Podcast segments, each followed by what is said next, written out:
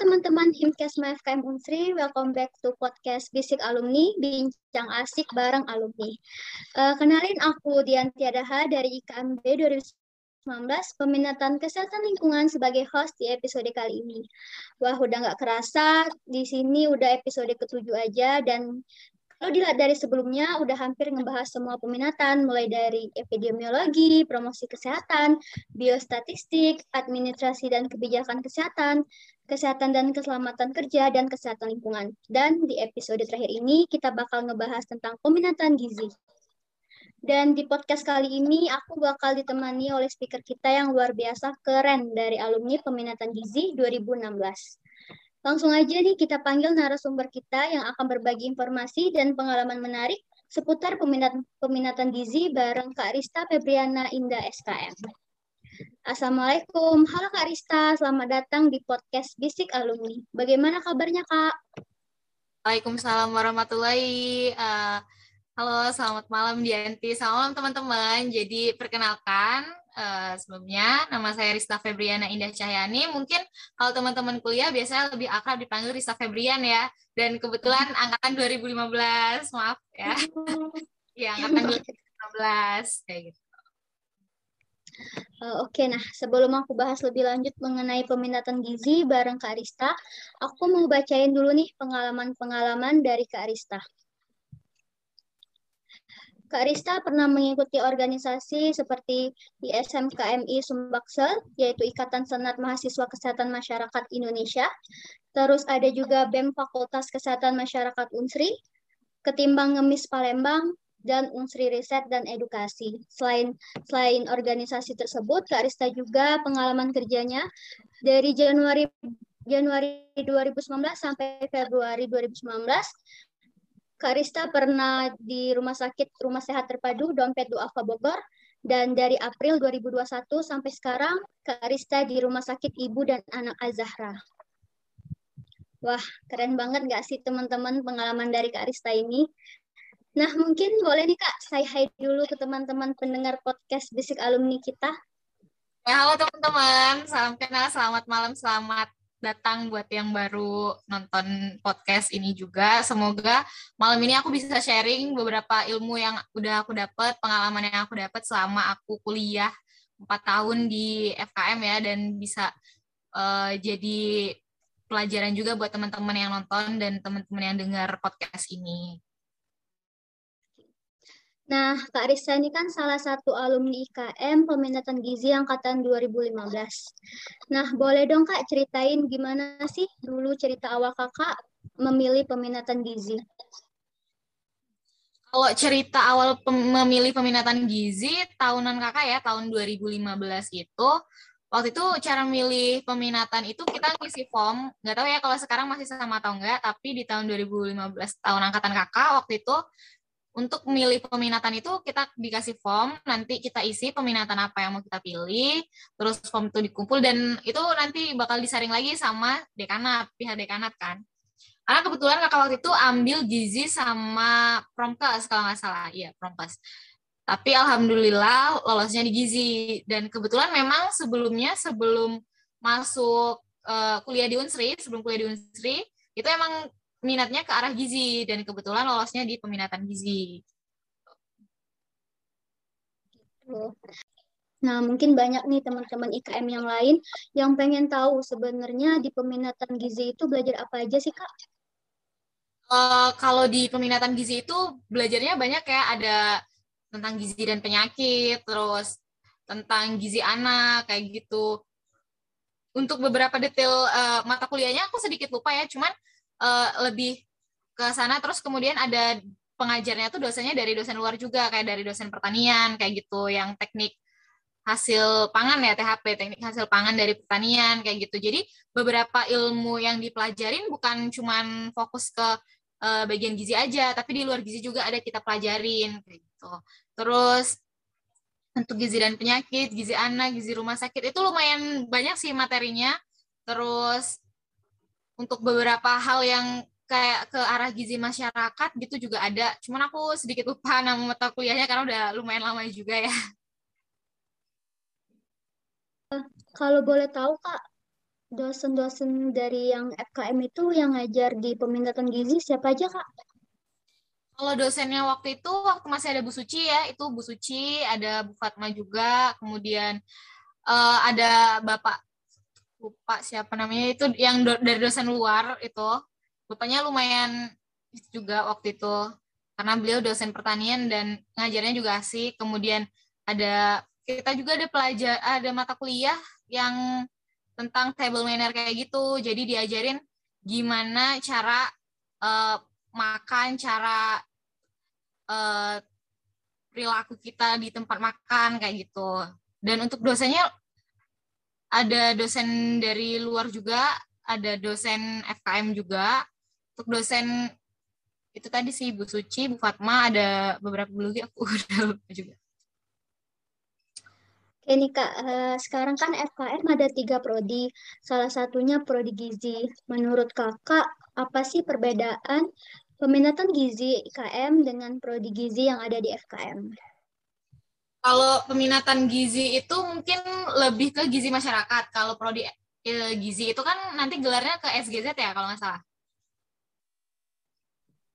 Iya. Kalau nah iya kalau seandainya gizi masyarakat sebenarnya uh, agak lumayan sedikit berbeda sama si uh, eh, SGZ ya sarjana gizi atau ke jurusan gizi karena kalau jurusan gizi itu lebih ke gizi klinik sedangkan kalau peminatan gizi itu lebih ke gizi masyarakat jadi hal yang di hal yang dipelajarin juga sedikit berbeda karena kalau gizi jurusan gizi banget itu lebih ke gizi klinik yang bener-bener yang dia nyusun menu makanan, bener yang ukur makanan, terus e, ngitung kalorinya kayak gitu. Tapi kalau kita di gizi masyarakat, kita belajar, tapi kita nggak bener-bener praktek. Tapi kalau untuk penyuluh penyuluhan gizi masyarakat, nah itu baru ke peminatan gizi kayak gitu. Untuk penyuluhan, edukasi tentang gizi masyarakat itu lebih ke peminatan gizi. Tapi kalau untuk gizi uh, jurusan gizi, gizi klinik itu biasanya ada di ini sih instalasi gizi, gizi klinik di tiap-tiap rumah sakit kayak gitu. Jadi cukup signifikan ya Kak perbedaannya iya. ya, dari prodi gizi sama peminatan gizi di KM. Uh, eh, Oke okay, Kak, uh, menurut Kakak nih dari pengalaman Kakak yang menarik dan menantang di peminatan gizi itu ada nggak Kak? Yang menarik di peminatan gizi itu uh, kalau kakak ya lebih karena kakak lebih senang uh, penyuluhan kayak berbaur sama orang banyak kayak gitu kakak senang jadi untuk ngasih penyuluhan ke orang lain. Dan kebetulan karena minat di gizi itu tinggi jadi untuk gizi masyarakat kebetulan kita belajar juga masalah diet kayak gitu. Jadi hal yang menarik itu adalah ketika kita belajar tentang diet. Karena cewek siapa sih? Cewek yang nggak suka belajar tentang diet ya kayak gitu. Jadi kakak lebih minatnya ke situ sih. Terus kalau untuk uh, sulitan kayaknya sulitan mungkin di skripsi ya normal setiap orang skripsi. Kalau untuk mata kuliah alhamdulillah nggak ada yang kesulitan.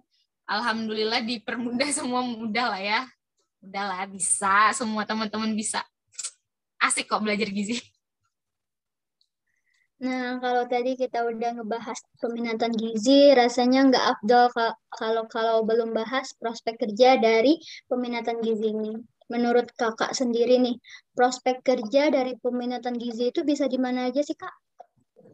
Kalau prospek kerja mungkin kalau dibilang mau yang linier itu agak lumayan sulit ya karena kita saingan kita banyak, tapi nggak menutup kemungkinan juga kita bisa kayak gitu. Karena prospek kerja kita, kita bisa di klinik, kita bisa di puskes, kita bisa di rumah sakit juga kayak gitu.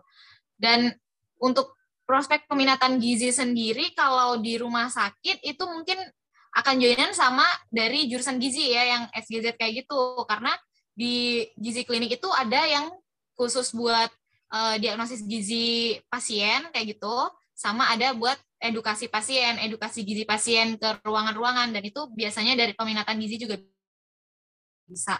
Tapi kalau seandainya di luar dari gizi klinik di puskes itu karena prospek kerjanya anak kesmas di puskes ya kebanyakan itu akan lebih masuk lagi karena kita benar-benar edukasi ke masyarakat langsung kayak gitu kayak misalnya kita bagi uh, makanan tambahan untuk anak-anak yang stunting kayak gitu. Kalau untuk prospek kerja jurusan gizi itu sama aja juga ke rumah sakit, ke puskes juga bisa, ke klinik-klinik juga bisa. Tapi karena ini ya kakak sharing sebelumnya karena kakak kan peminatan gizi, tapi kerjanya kebetulan di luar gizi kayak gitu. Tapi masih tetap berkaitan dengan gizi seperti penyuluhan dan edukasi ke pasien. Iya. Uh, kalau tadi kita udah ngebahas dari peminatan gizi, selanjutnya kita akan mengulik sedikit tentang pengalaman Kak Rista sendiri nih. Uh, seperti yang udah aku bacain tadi dari pengalaman kerja Kak Rista, ada sebagai analisis gizi pasien, ada manajemen dan perencanaan. Boleh dong Kak ceritain pengalaman seru di rumah sakit tersebut? uh, kalau analisis gizi pasien itu kebetulan waktu magang ya, waktu aku internship di rumah sakit Rumah Sehat Terpadu Dompet Duafa di Bogor, itu analisis gizi pasien. Jadi uh, waktu aku di rumah sakit itu magang, karena kita ada beberapa mata kuliah yang nggak kita pelajarin kan terkait gizi klinik dan waktu magang itu kita diajarin di sana benar-benar yang analisis gizi pasien dari mulai ngitung kalori, ngitung karbohidrat, protein, semua yang dibutuhin sama si pasien ini. Karena tiap-tiap pasien itu beda diet kan. Ada yang diet garam, diet gula kayak gitu, tergantung penyakit. Jadi itu tuh kenapa pelajaran gizi dan penyakit itu nyambung banget kalau buat di dunia kerja kayak gitu.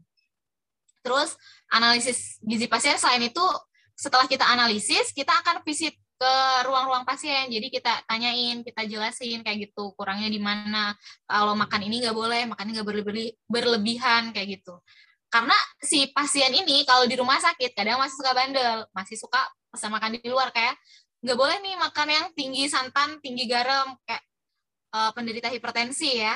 Dan mereka tetap beli makan di luar kayak nasi padang kayak gitu yang udah jelas-jelas harusnya tuh nggak boleh karena lagi diet kayak gitu.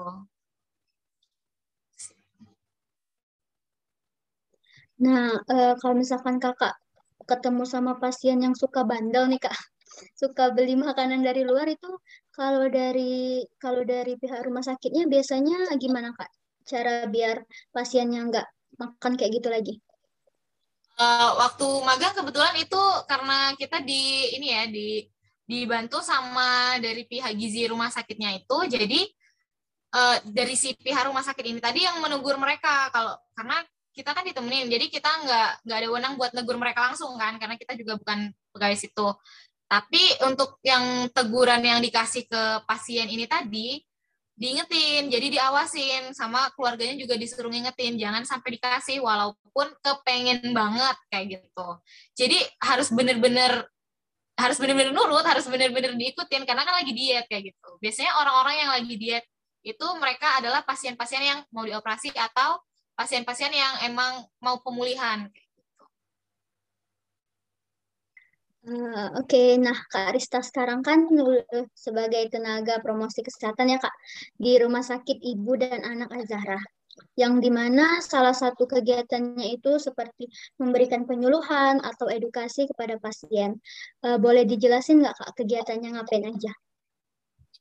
Uh, kebetulan kalau untuk kerjaan yang sekarang itu kan aku di Promkes ya agak ber agak belok sedikit ya dari gizi karena nggak selinier uh, di promkes itu di kerjaan ini aku ngasih edukasi ke pasien itu karena kebetulan lagi masa pandemi jadi edukasi ke pasiennya secara online. Jadi benar-benar kayak dari kita bikin materi kita desain materi tadi buat di share ke pasien-pasien via WhatsApp atau via Instagram kayak gitu. Jadi ada yang kita blast WhatsAppnya kemudian uh, kita sharing di grup pasien kayak gitu. Dan ada beberapa yang kita share juga di Instagram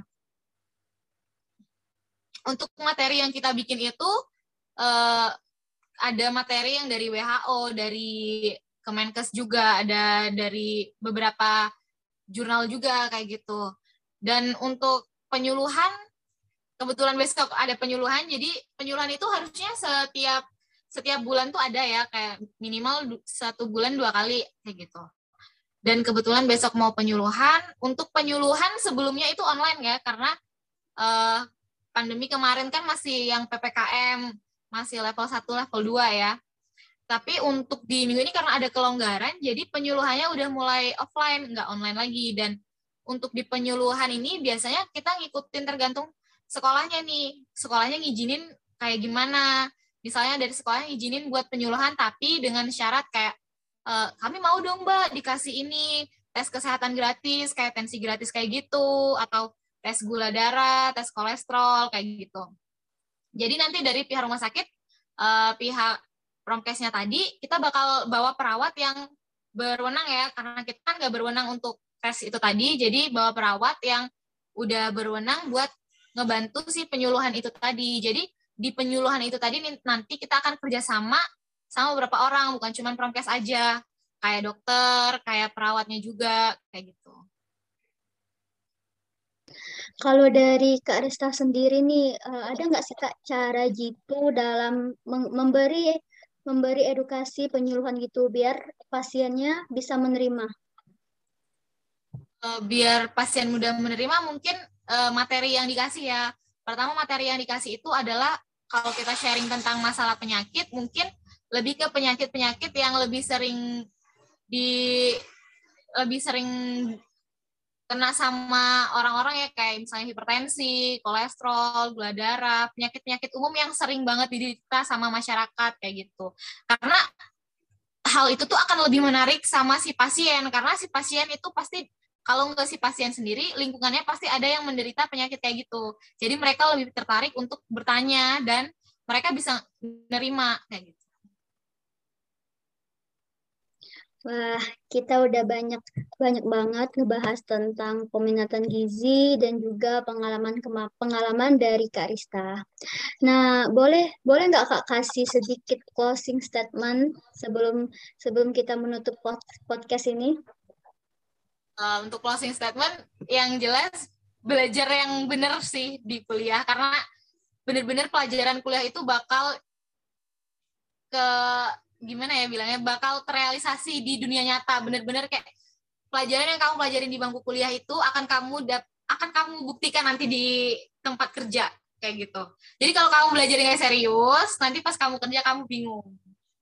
Jangan suka tipsen jangan suka tipsen terus uh, walaupun kita kuliahnya di peminatan apa terus kita kerjanya di apa karena basic kita adalah FKM sarjana kesehatan masyarakat kita harus bisa menguasai uh, bermacam-macam ilmu itu tadi. Nggak harus terfokus satu ilmu. Karena uh, anak gizi aja ada yang ke kerjanya di luar dari gizi itu banyak. Anak promkes juga kerja di luar promkes juga banyak. K3 juga kayak gitu. Jadi kita tuh harus benar-benar memahami ilmu yang kita pelajarin di bangku kuliah itu tadi. Meskipun gak sejurusan tapi kalau kita kerja masih di bidang kesehatan apalagi yang terkait dengan kesehatan masyarakat kita harus benar-benar memahami ilmu itu dan jangan lupa sih uh, diasah skillnya sewaktu bangku kuliah. Dimanfaatin benar-benar waktu kuliahnya karena kalau kita main-main di waktu kuliah kalian nanti akan ngebuktiin sendiri di tempat kerja kalian akan bisa apa kalau kalian main-main di bangku kuliah Wah, luar biasa keren ya teman-teman. Uh, sebelumnya juga aku juga mengucapin maaf kalau misalkan ada tutur kata yang kurang berkenan, disengaja maupun tidak sengaja pada Kak Rista. Dan tentunya tak lupa juga aku mengucapin terima kasih banyak kepada pendengar setiap podcast alumni ini di mana pun berada. Dan ini episode terakhir kita di podcast Fisik Alumni. Sampai jumpa, tetap stay safe dan stay healthy ya teman-teman semua. Aku Dian Tiadaha, pamit undur diri. Wassalamualaikum warahmatullahi wabarakatuh.